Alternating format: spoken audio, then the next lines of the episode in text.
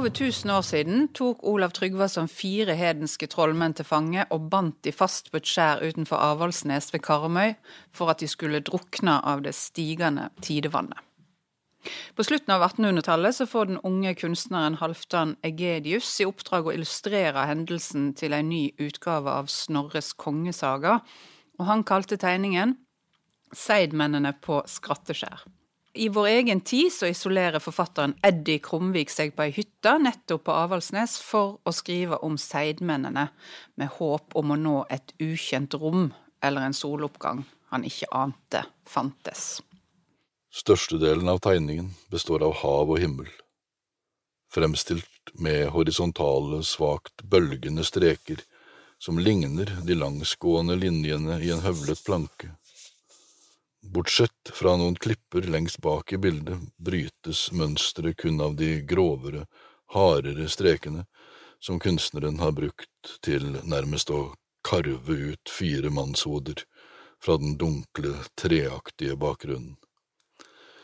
De fire kan ligne gjenferd av druknede som skal til å stige opp av sjøen for å avlegge de levende et besøk, men i virkeligheten er de levende mennesker på vei ned til de druknedes rike. Bare hodene befinner seg fortsatt over vann.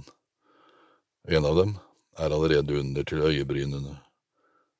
Likevel er det noe vaktsomt og nærværende ved det lille av hodet som er synlig.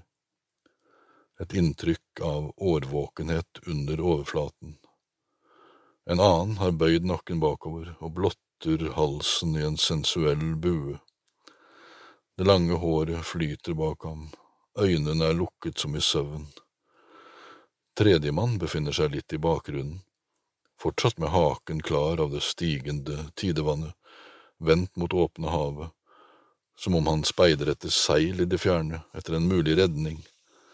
Men det er den fjerde som uunngåelig trekker betrakterens blikk til seg. Pannen er så lav at den ser ut til å gå direkte over i nesebuen, som fortsetter nesten ned til overleppen og minner om et rovfuglnebb.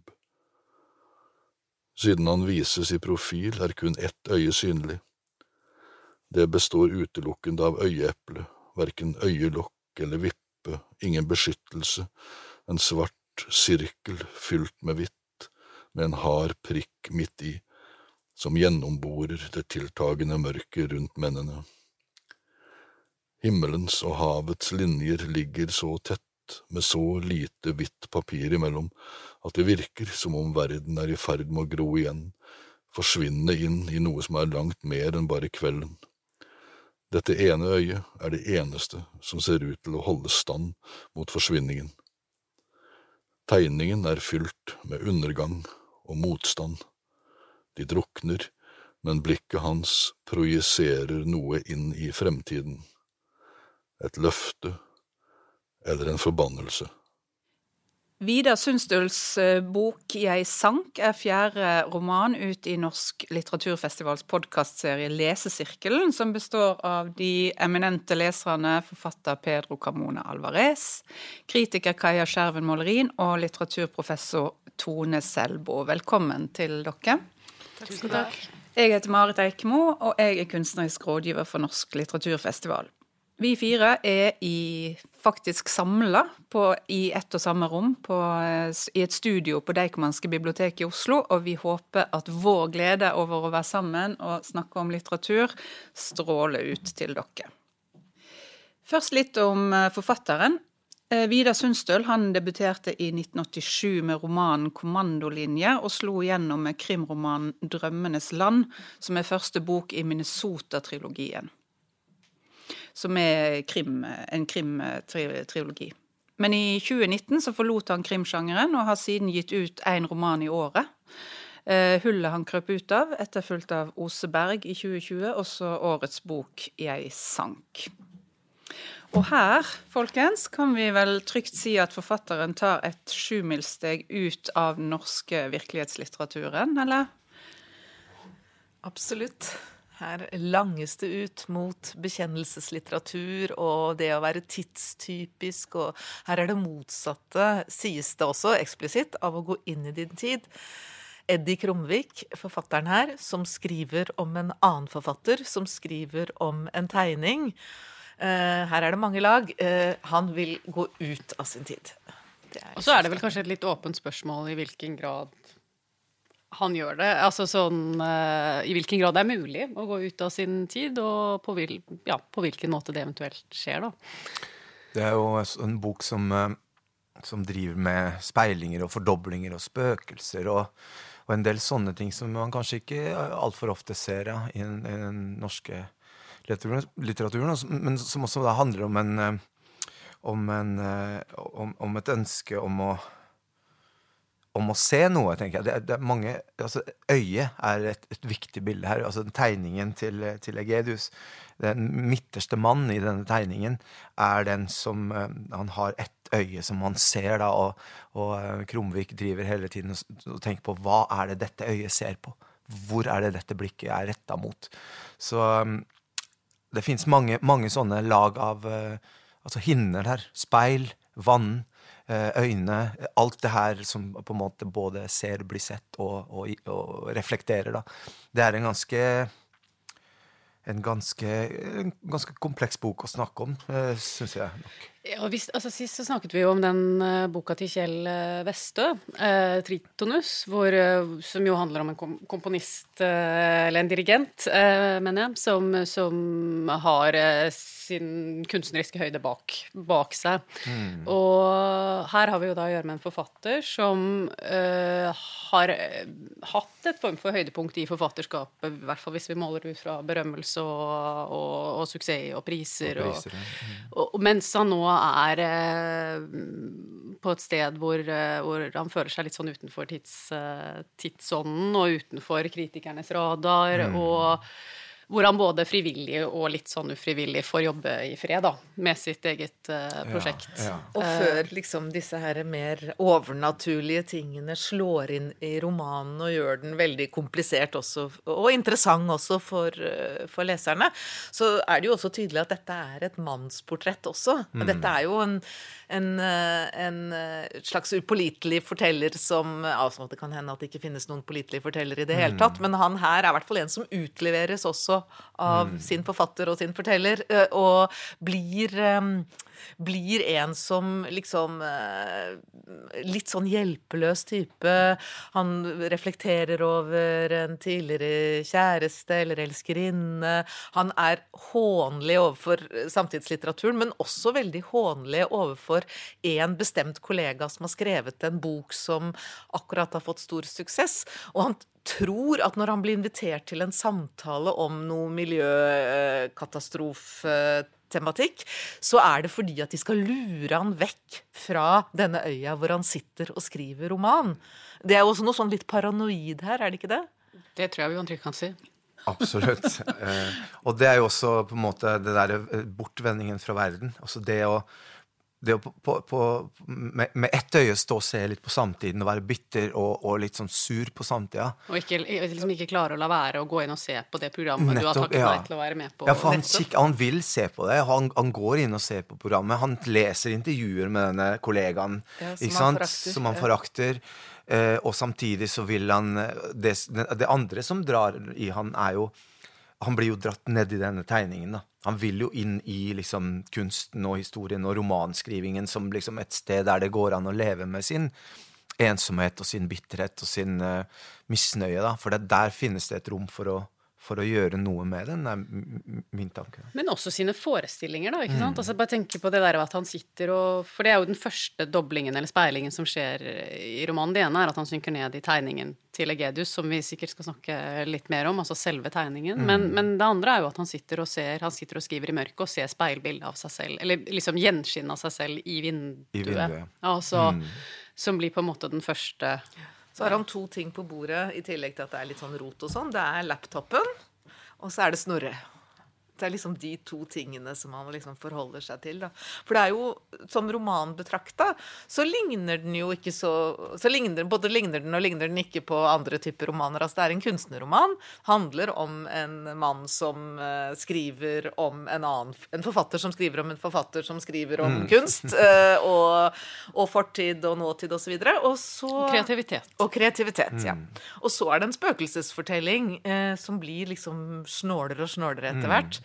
Mm. Så er det en spennings, nærmest en krimhistorie. Og så, en, eh, og så, handler den jo om utgravninger i helt konkret forstand. Det er en gruppe arkeologer som er her på Karmøy samtidig med at denne forfatteren sitter og skriver.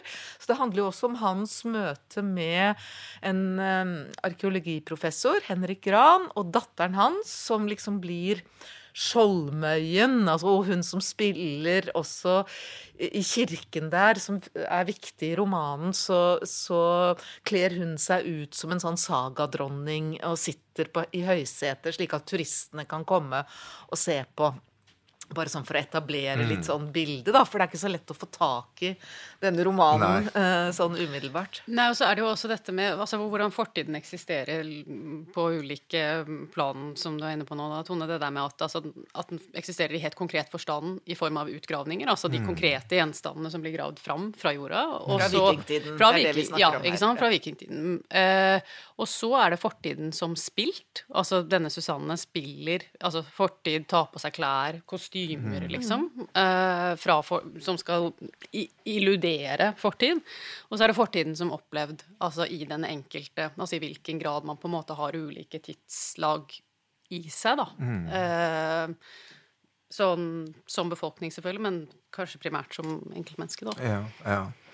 Jeg syns uh, For meg har dette også vært en, en roman som handler i stor grad om, om spenningsforholdet mellom mellom det gamle og det nye. Det er jo, altså, En ting er Eddie Krumviks eh, forakt for samtida og hans eh, vilje og evne til å gå inn i denne gamle tegningen for å komme seg inn på eh, et romanprosjekt som skal handle om noe helt annet. Som ikke skal handle om identitetspolitikk eller metoo eller ikke sant, det her. Og, og ønsket om å på en måte reaktivere noe. Og han blir jo på et eller annet tidspunkt kalt brunstripete av denne gamle elskerinna, han, og noe som han tar veldig veldig alvorlig. Og er det, er det slik blitt at det er det man blir kalt, liksom, når man interesserer seg for noe annet enn dette her samtidig? Men jeg syns at det er fint å den tegningen til, til Egedius, som er uh, veldig fin Det er jo noe av det fineste med romanen, syns jeg. Hvordan uh, Sundstøl skriver om og, og, tenker rundt denne tegningen.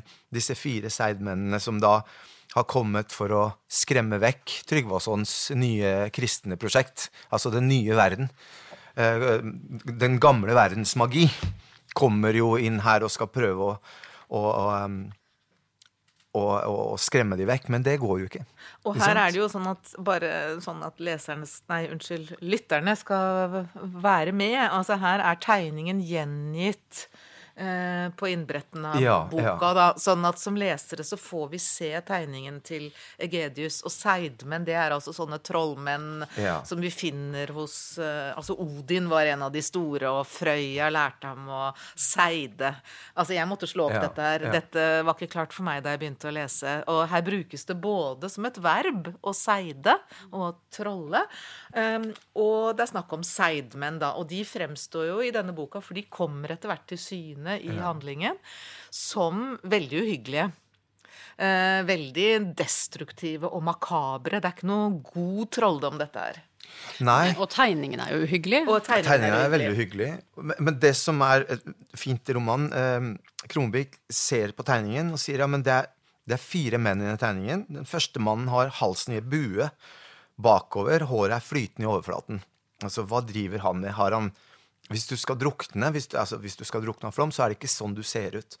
En, den andre har hele ansiktet under, som om han holder på å skifte ham og skal bli en fisk, og kan puste under vann.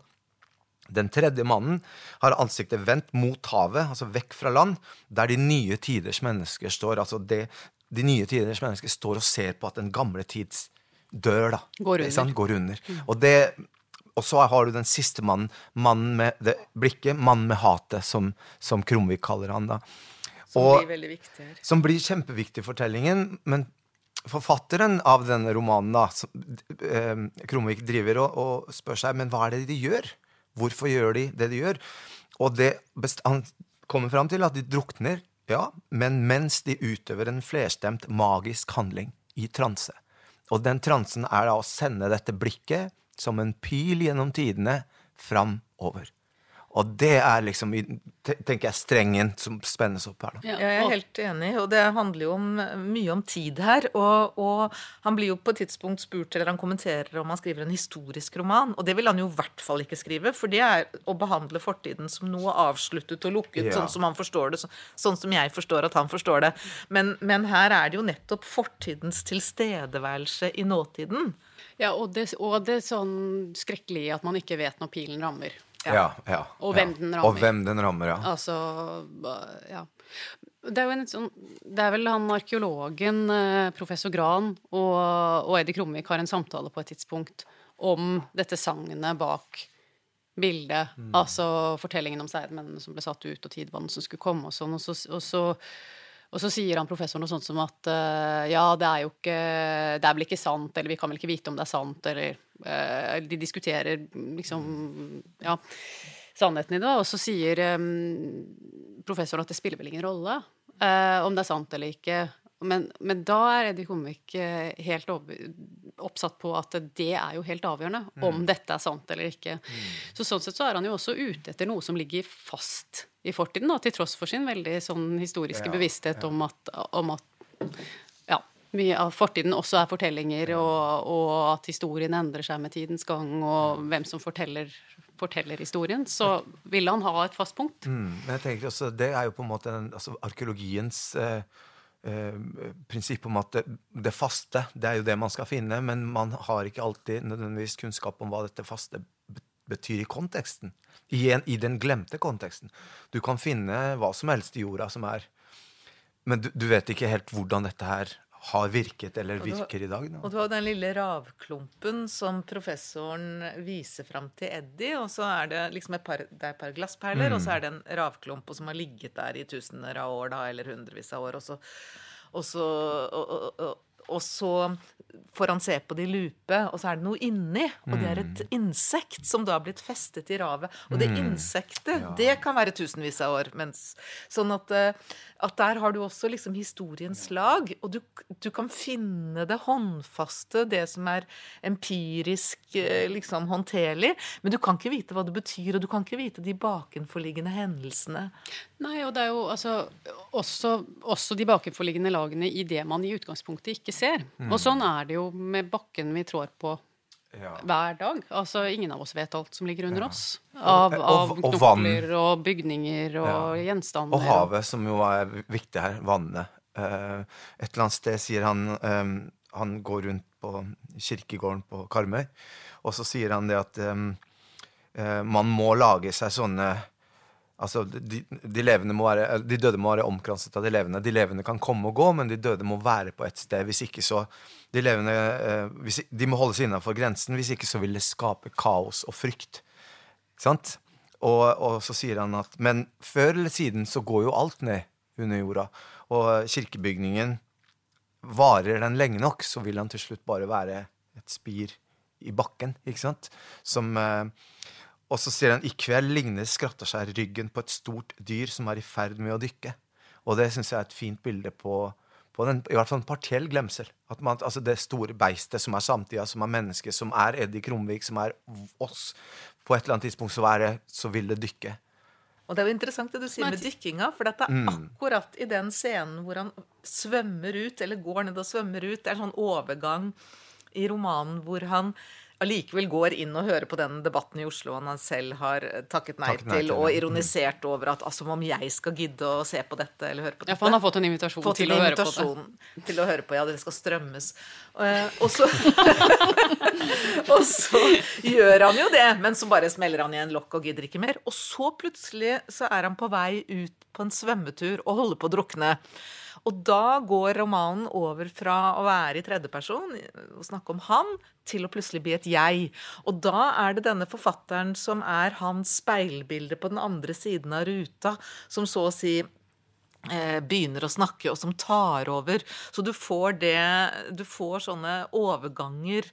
Eh, men der kommer det Og så veksler det mellom jeg og han utover, og så blir Etter det så blir fortellingen mer og mer voldsom også. Ja. Ja, Og hvem, det veksler jo også hvem jeg er, på en måte gjør det ikke det? Jo, sånn slik jo. jeg leser den. Altså at jeg er i flyt, for å holde oss i bildet. Ja, veldig Det er en, for, en forvirrende sluttetappe her på den romanen, fordi den er Det er en ganske kort roman, som vi snakket om. Den er 160 sider eller noe sånt, 150 sider eller noe sånt, så er det ganske tett.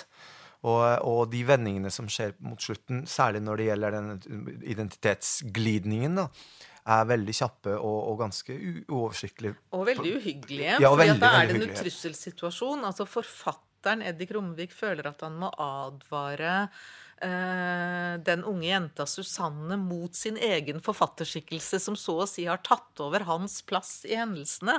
Så du får veldig mange sånne fordoblinger og forskyvninger. I tillegg til at Seidmannen har gjort sin entré i Ja. samtiden. I, sa, I samme jeg. Ikke sant? som altså Forfatteren til Eddie Krumvik blir altså først til, til jeg, og så blir han til Seidmannen. Ja.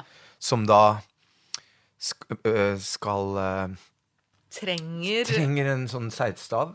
Ja, han må ha en seidstav, eh, og så i bytte for å få en sånn tr tryllestav, da, så skal han ha et offer, og det er da selvfølgelig en ung jomfru, nemlig Susanne. Susanne. Ja. Og, for, og, det, og dette må han, han må ofre henne til et slags vesen fra Som- som enda kalles tidligere den tider. usynlige. Synlige. Men så har det jo også vært et sånt sånn, sånn klassisk sånn vampyrmotiv Mm. det, med blod, bloddrypping og bloddrikking. Ja, og og den, på slutten her er det jo veldig eh, voldsomme ting, hvor Eddie sitter i bilen og ser et avkutta hode uh, i form av utenfor bilvinduet, og så skjønner han liksom hvilket hode det er, og da trodde jeg først at det var Susannes hode, men det var det da ikke. Det har begynt å renne utover panseret, og hodet hans står plantet på sin avkuttede hals og stirrer inn i kupeen med det tynne, grå håret fortsatt strittende til værs etter Seidmannens nevegrep. Så der er liksom Eddie spaltet i han som sitter inni bilen og ser ut, og med sitt eget kode, hode spaltet i to utenfor. Som igjen har gjenklang i den scenen hvor han sitter Altså her har vi bilvindu mellom dem, og, og tidligere i romanen så er det hyttevindu Ja. mellom Ja. Altså speilbildet og Men også dette med at eh, at der er det han med det avkappede hodet Mm. som stirrer. Det er jo også, har vel også gjenklang i bildet. I bildet, ja. Altså ja, at, uh, nå, nå, det- er, At, Mm. at, at nå er det han som ja. Det er jo bare hoder vi ser i bildet. Ikke sant? Det er Nettopp. bare De er jo liksom- avkappede hoder, på en måte. Det er jo interessant, Ja. det bildet, for det er jo fra slutten av 1800-tallet. Og det er jo liksom, det er, det er jo ingenting sånn hva skal jeg si, Det er et veldig uhyggelig bilde, og det er jo ingenting sånn nyromantisk over det i det hele tatt. eh, Selv om Ja. Og så er det den dobbeltheten at det er jo et veldig fredelig bilde, Mm. samtidig som det er en uhygge som utspiller seg, som man vet, altså som man ser mer av jo mer man kjenner historien, selvfølgelig. Men disse speilene dukker opp overalt. Altså Fra første stund. Han våkner opp, han, altså vinduet og bilen som vi har snakket om, men han ser seg selv i speilet hele tiden. Når han dusjer etterpå og ser seg selv, kjenner ikke seg selv igjen. Det pleide ikke å være sånn. Håret Altså den, den som vi alle har ikke sant? når man blir eldre. At man Shit, hvor, hva skjedde med han andre, på en måte?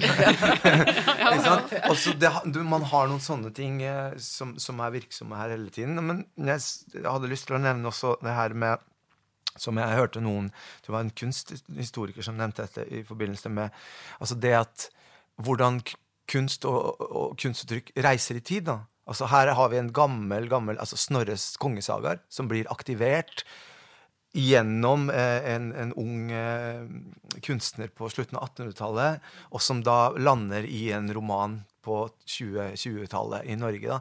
Og det er jo veldig fint hvordan ting vandrer. Og hvordan ting beveger seg i kulturen og i, i, og i livet og i verden. Og det, han, eh, I romanen også, så sier han de fleste er enige om at Seid har hatt innslag av sjamanisme. Ikke sant? Altså det at man forlater kroppen og reiser til åndeverdenen. Men at uh, dette er noe man forbinder med jegere og nomadiske folkeslag, og ikke med jordbrukskulturer, sånn som det har vært i Norge. Og hvor kan dette ha kommet fra? Det har kommet fra en enda eldre kultur, kanskje en jegerkultur som innvandret og, og, fordrev jordbrukerne, eller folkevandringstiden, det kan komme fra hunerne, fra et nomadisk Altså gamle naturreligioner. Altså fortidens uoversiktlighet, som også på en måte et eller annet sted kommer ting fra, men hvordan, det har vi sluttet å på en måte eh, ha helt oversikt over. Og den reisen, den matte, dunkle reisen, syns jeg er godt, uh, godt uh, gjort å, å, å, si noe så mye fint om det på så få sider. Mm.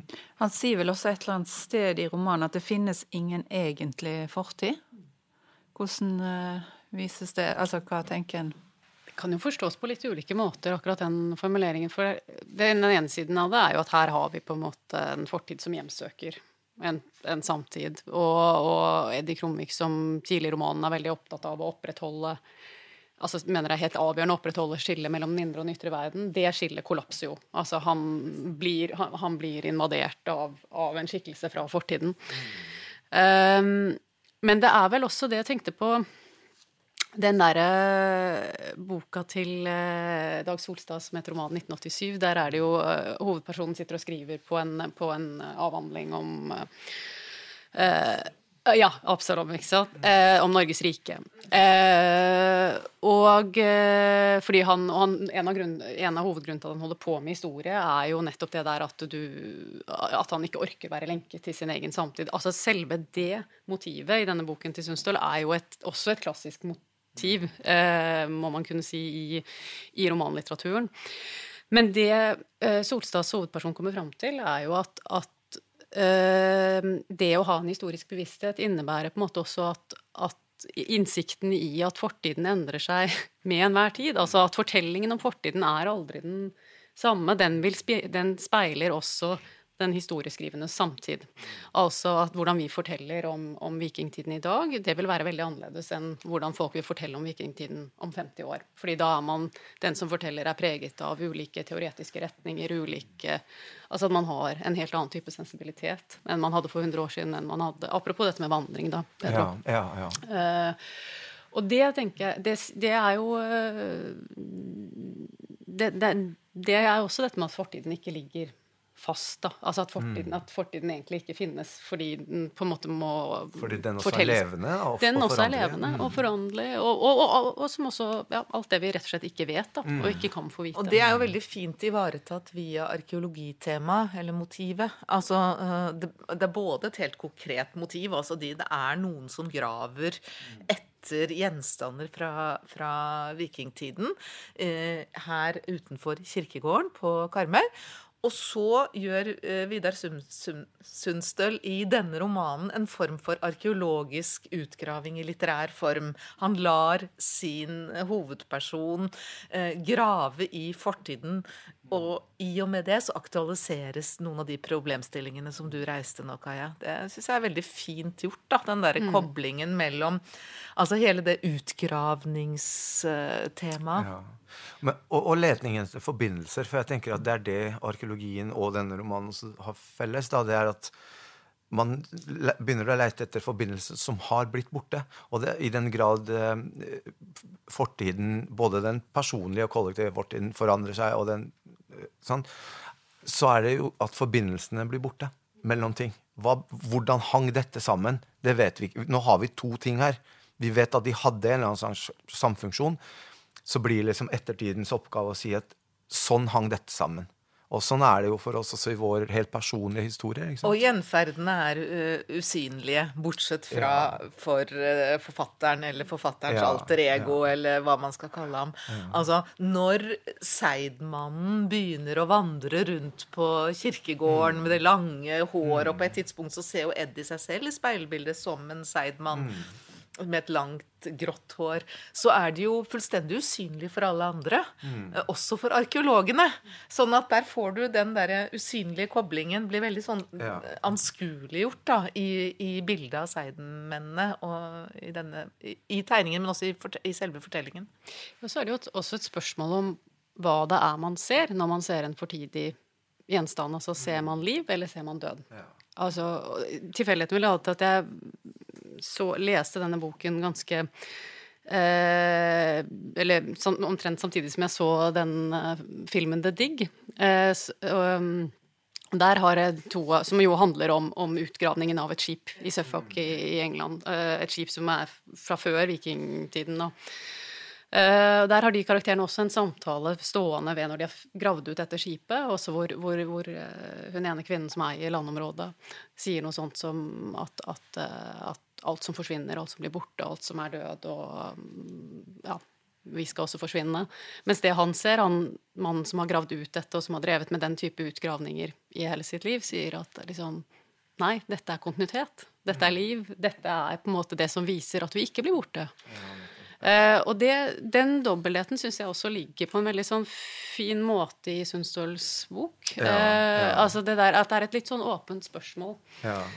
Ja gjentagelsen av fortet, investeringen på å være i det som tilsynelatende er, er fraværende, er veldig fint. Det er litt som navngivningen også når, man, også, når man, gjentar navn. Den gamle jødiske tradisjonen. Man bare messer og messer og messer navn for at ikke det skal bli borte, selv om ingen husker lenger hvem individene var. Ikke sant? Ja, jeg tenker på Det er jo en hel del sånne litterære analogier til dette, da, med koblingen mellom arkeologi og og litteratur. Og Karin Sanders, som er professor på Berkeley, har skrevet en veldig fin bok som heter 'The Bodies in the, in the uh, Bog', som handler om utgravningen av moselikene, bl.a. i Danmark, som Seamus Heaney, den irske nobelprisvinneren, har skrevet veldig trolig fine dikt om, da, bl.a. en som heter Tollundmannen. Uh, og det er ett av eksemplene hun bruker, da. Men der også, hvor du liksom Det graves fram uh, mennesker, altså skikkelser, uh, som du kan rekonstruere et stykke på vei, og hvor, og hvor også, også, har et dikt som heter 'Digg', hvor han sammenligner bruken av pennen altså som, som, som, med spaden som graver i jorda, med sin egen barndom på den irske landsbygda. Eh, altså, du, man la... Og med den irske konflikten som et viktig bakteppe for det hele. da. Nettopp. Så det er jo nettopp en sånn utgravning i fortiden nettopp. som en kommentar til samtiden. Nettopp. Og jeg tipper at Sundstøl har liksom Her ligger det mye implisitt refleksjon rundt denne forbindelsen mellom arkeologi, historie, liv, død og mm. skriving. Mm. Eh, som overlates litt til oss å, å, trekke, men det er også veldig fint. da. Men det er helt åpenbart at, at uh, boken også handler som du sier, veldig mye om om det å skrive roman. altså en, en, bok som er full av poetikk. på en måte. Hva, hva, er det en roman skal gjøre? Hva er det man håper man skal gjøre med en roman? Hvordan begynner man på et romanprosjekt? Det syns jeg er veldig flott beskrevet her. Denne, han ser på denne tegningen og blir dratt mot denne romanen. Vi snakket tidligere om, om um, Asta Olivia Nordenhovs roman 'Penger på lommen', som begynner med en, en kvinne som ser en mann som hun ikke aner hvem er, sitter på en buss, og så blir, er det som om denne mannen drar hennes oppmerksomhet mot seg. da. Og det, Noe av det samme skjer her. Altså, altså Det uartikulerte med den kunstneriske grunnsteinen. Hva, altså, jeg vet ikke hva det er, men dit må jeg gå. Og hva håper du på? Jo, jeg, det står her også. Jeg håper at romanen skal åpne seg. At den skal lage en sprekk. Og alle disse metaforiske lagene Altså, hull, sprekk, åpninger er jo også portaler. ikke sant? Det er jo også gjennomgangsmuligheter til andre verdener. Speil, vannhinnen her, altså drukningen over under vann, utgravningen over under jorda. Lekkasjene. Lekkasjene, speile, og, og når man da krysser disse portalene det, det, er jo også klassiske litterære motiver. da, Alt fra liksom, ja, Alice i, Men det er jo også veldig skummelt når romanen åpner seg. For, for på det øyeblikket det er et sted det står og nå åpner romanen seg. Ja. Og da er det jo Dere brukte ordet lekkasjer. altså Da er det jo virkelig lekkasjer som også får noen forferdelige konsekvenser. Det er jo nesten som romanen også forsvinner mm. på det tidspunktet. Mm. Og, bare, og han frykter jo den revnen. Han, eller den der, han, han, han lengter etter den, men frykter den også. Mm. Og så presser det seg bare på, og så får vi denne merkelige slutten hvor hvor det er kommet til en sånn krisesituasjon hvor, eh, hvor um, Susanne ligger i senga, uh, Seidmann står over henne og, og, drysser blader eller noe sånt, og Eddie henger nærmest i lufta som et spøkelse utenfor vinduet, og det slutter jo helt åpent. Vi vet jo ikke om hun blir ofret, eller hva som skjer. Nei, altså, det, er jo, det er jo ikke veldig mange samtidsforfattere som skriver denne typen uh, romaner, men en jeg faktisk tenkte på, tenkte på er eh, Hans Herbjørnsrud. Altså som, som vel er en slags eh, eh, ja, Jeg vet ikke om han er en direkte inspirasjonskilde, men, men de skriver i hvert fall akkurat dette med dobbeltgjengermotivet og, og spøkelsesmotiv og, og disse, den type, denne type sånn bisarre hendelser er jo, finner man jo også i det forfatterskapet. og det Sundstøl holder vel til i Bø Telemark, og um, Herbjørnsjø er jo ikke veldig mange milene bort, bortenfor. Eller, ja. Jeg har faktisk også tenkt på noe helt annet i den forbindelse. Um, to argentinske forfatterskap. Det ene er moderne. Cæsar Aira. Han har gitt ut bøker siden 80-tallet og gjør det ennå. En forfatter som har gitt ut veldig mange bøker. I likhet med Sundstøl så gir han i hvert fall ut en, en, bok en gang i året. Og det har han gjort i veldig mange år. Så han har skrevet flere hundre romaner. Alle er veldig korte. Og alle er veldig Og veldig mange av dem i hvert fall er veldig rare og merkelige og har også en del av dem i hvert fall dype røtter til argentinsk historie. Så er, der finnes det Men også spøkelser og, og, og, disse motivene av liksom fordoblinger og lekkasjer og den typen ting. Da. Språklig sett selvfølgelig en, en, en helt annen lynne. Da. Men også den gamle argentinske klassikeren Julio Cortázar, som er nok mest kjent for sine noveller, som er en slags pre-magisk, realistisk eh, fyr. da. Um, også igjen stilistisk helt annerledes, men, men, eh, men, blikket på denne typen bevegelser og denne typen spaltinger og, og overganger som vi snakker om, eh, finnes også hos den. Med tanke på den veldig sterke litterære tradisjonen som, som eh, vi har, så er, er, det et poeng han har. Eddie Kromvik, mister vi kontakt? Har norsk samtidslitteratur mista kontakt med den tradisjonen? Altså, Jeg syns jeg er interessant at han tar ikke bare liksom historie, historieskrivning, eh, en sånn arkeologisk forestillingsevne, alt dette opp i sin allmennhet, men at han knytter det så tydelig til Snorre. Og det nasjonale. Og det nasjonale. Hva Norge er. Og det sier han jo innledningsvis, at liksom Jeg er opptatt av norsk historie og, og den norske liksom, forbindelsen og det nasjonale. Og Norges storhetstid, ja. som jo også er et, en viktig side ved dette, da. Uh, og du, det var vel du som sa det tidligere, Tone, dette med um, hun uh, lærerinnen uh, som han har hatt en affære med, og som, som mente han var brunstripede. Mm. Eller var det du? Ja. ja. ja. Altså Det er vel et sånt underliggende spørsmål her i hvilken grad Altså hva som er politisk korrekt og ikke. Ja, og i, i, hvilken grad man kan være opptatt av denne, denne, type, mm. denne, delen av norsk historie, eller fordype seg i denne delen av norsk historie. Jeg tenker litt på Tur Erik Lund her. Han har jo også fått den beskyldningen. Men hvor lett man også lar seg på en måte stemple, da av sin, sine egne fordommer. For her er det Det er jo ikke som om samtida står og sier altså Bortsett fra lærerinna som sa at han var brunstripete. Det kan jo hende det var pga. andre ting også, kan man tenke seg. Men, eh, men kan, det er jo ikke akkurat samtida som står og, og dømmer Eddie Krumviks eh, litterære holdning eller produksjon. Han er litt glemt, sånn som veldig mange av oss forfattere blir i, med tider sånn, Du havner i skyggenes dal av og til, liksom. Og så leiter du etter liksom, hvordan, hvordan Men dette er like mye hans blikk på seg sjøl sånn som han forestiller seg at samtida ser på seg sjøl. Og det er jo enda en speiling. Jo, han vender jo bare liksom sitt eget ansikt mot seg sjøl for, for, å gjøre det. Det er et veldig godt poeng, for han har jo, som vi har vært inne på, disse paranoide trekkene også. Ja, ja. Han blir jo invitert. Er, han blir jo invitert, og han er jo opptatt av å bety noe igjen. Ja. Det ligger jo under. Han skal riste opp i den der forbaskede samtiden, mm. som ikke er noe opptatt av det mm. jeg er opptatt av. Mm. Altså, Det ligger en sånn type dimensjon der også. Det er hele tiden de der fordoblingene og vendingene. da. Har dere eh, sett den TV-serien som heter Beforeigners? Eller? Nei. Nei, for det, dette, jo, dette med vikingtida har jo vært veldig sånn populært i eller i aktuell, eh, populærkulturen, både i TV-serier, filmer og ja, musikk eh, og, og, også spill. Spillutvikling er det veldig stort. Mm.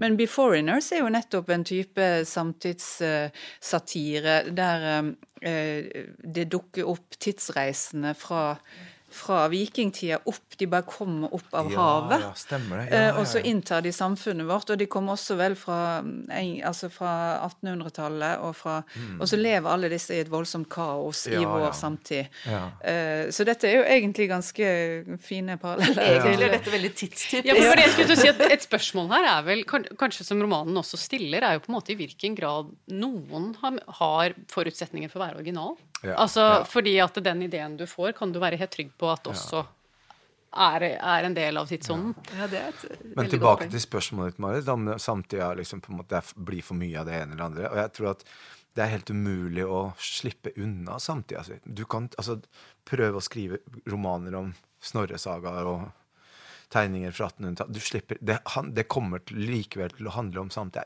på et eller annet nivå. Enten du går direkte til å skal skrive en roman om mamma eller ikke, liksom. Og det det, det tror jeg er liksom også bokens eh, At boken erkjenner at det er helt umulig. Du kan, du kan gjøre hva du vil. Samtidig har fanga deg fra før av. Du er her. Det, du, du kan ikke skape noe som ligger utafor deg. Og du kan, sånn som jeg ser på det, du kan nesten ikke opponere mot det engang. Alt, alt blir dratt inn i den kverna.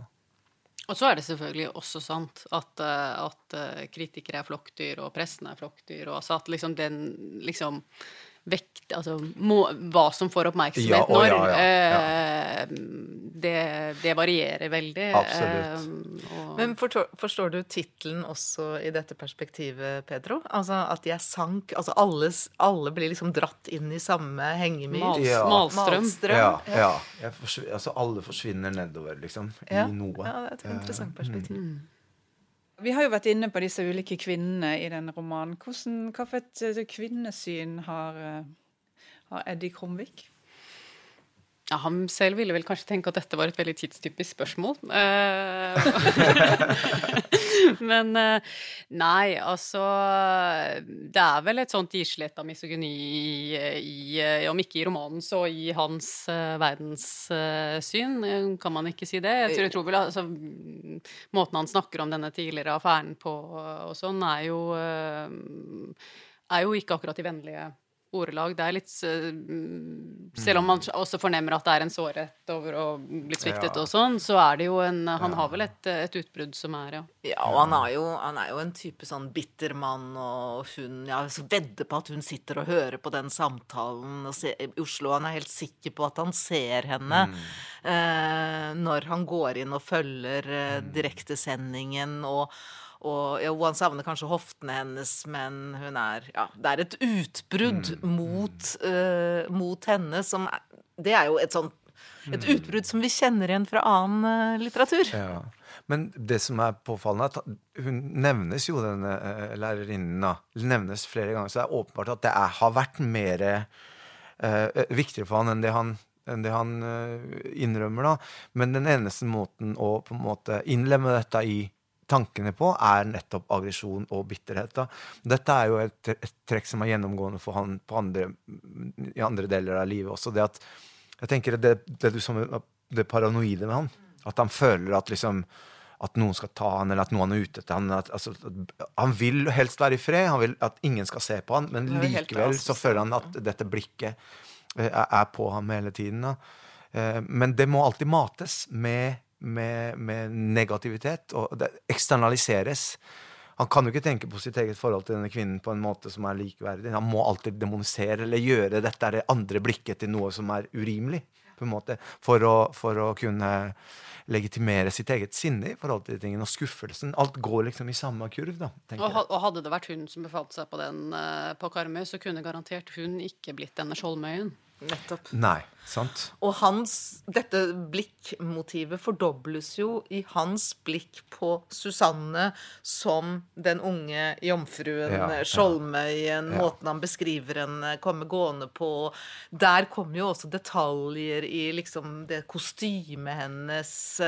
Og når han kommer inn på Eller den, den beskrivelsen av rommet på slutten hvor liksom klærne ligger Liksom ungpikeklærne ligger rundt på en stol, og det er sminkesaker og mobiltelefon og Så der også dette blikkmotiv Eller blikket går innover, og det går utover til nye, av den er sagt, objekter, da, i sånn nøytral forstand. Eh, Og er det ikke også det at han, denne lærerinnen ser Han tror jo at han ser henne på dette arrangementet. Han følger litt grann på skjermen, men han, men han ser henne jo bare bakfra. Ja. Altså Han ser bakhodet på henne, og ikke Ja, ja. Ansiktet. Ansiktsløs. eh, ja. Det blir det som en fordobling av bakhodene i Ja. I- i- Eg Ikke sant. sitt bilde. Ja, det, Det som også er interessant med dette kvinneofferet, denne unge piken, Susanne, som da blir denne piken som s- mannen med hatet, seidmannen, skal, skal uh, ofre. Eh, der hvor romanen vender, og der spaltingen begynner å skje da, så er det også da en scene hvor Eddie er på besøk hos Gran, den arkeologen. Og denne unge piken, hun er, går på ungdomsskolen, kanskje videregående, så det er temmelig ungt. Hun går opp og dusjer. Og det er et lytt hus, og, og han sitter og hører den der eh, dusjingen. Susanne stiller seg under dusjen og lar vannet overrisle det pustende, levende landet som er henne. Altså en beskrivelse som er ganske er gubbete sagt, på en måte. ikke sant? Også, også, også, um, også og det er da, for første gang i romanen, at det sier Da kommer han ut av huset etterpå, etter at hun har dusja, han har hørt henne dusje, og så sier eh, Han kjente ikke igjen sine egne tanker. Altså, han blir fremmed for seg selv. Ehm, ikke u, altså Han hadde noe ved seg som lignet de vanlige tankene hans. De hadde det, men ikke ulikt forholdet mellom det utydelige speilbildet. Så der skjer en løsrivelse mellom liksom, Det var som om tankene hans var like ved å få et eget liv og kunne bevege seg fritt omkring. Det er denne nakne ungpikens Og så kommer jo hun arkeologen, Ja. som er da eldre enn Susanne, og som man har en aggressiv utveksling Ja, med. ja. Altså hvem som er mest aggressiv, er ikke så godt å vite, for vi får det fra hans perspektiv. Mm. Men hun eh, vil, nekter ham jo å gå inn og treffe Henrik Rahn. Og så blir han kjempeirritert på det, og så senere så viser det seg når han kommer tilbake til huset der, så er ikke Susanne der. Hvor er Susanne? På kino med, Med denne venninne. arkeologen, som han innbiller seg da skal prøve å redde Susanne fra Eddie. Selv om Eddie har ikke noen sånne tanker, tilsynelatende. Nei. Det er, det er, jeg syns jo det var veldig, veldig påfallende dette med, med, med kvinneofre her også. Jeg har vært eh, veldig opptatt av, av, eh, av eh, gamle meksikanske eh, offerritualene, liksom, og av, eh, av dette som kalles for femicidene i Sør-Amerika, som har vært kvinnemordene som har fått pågå i mange 20 år.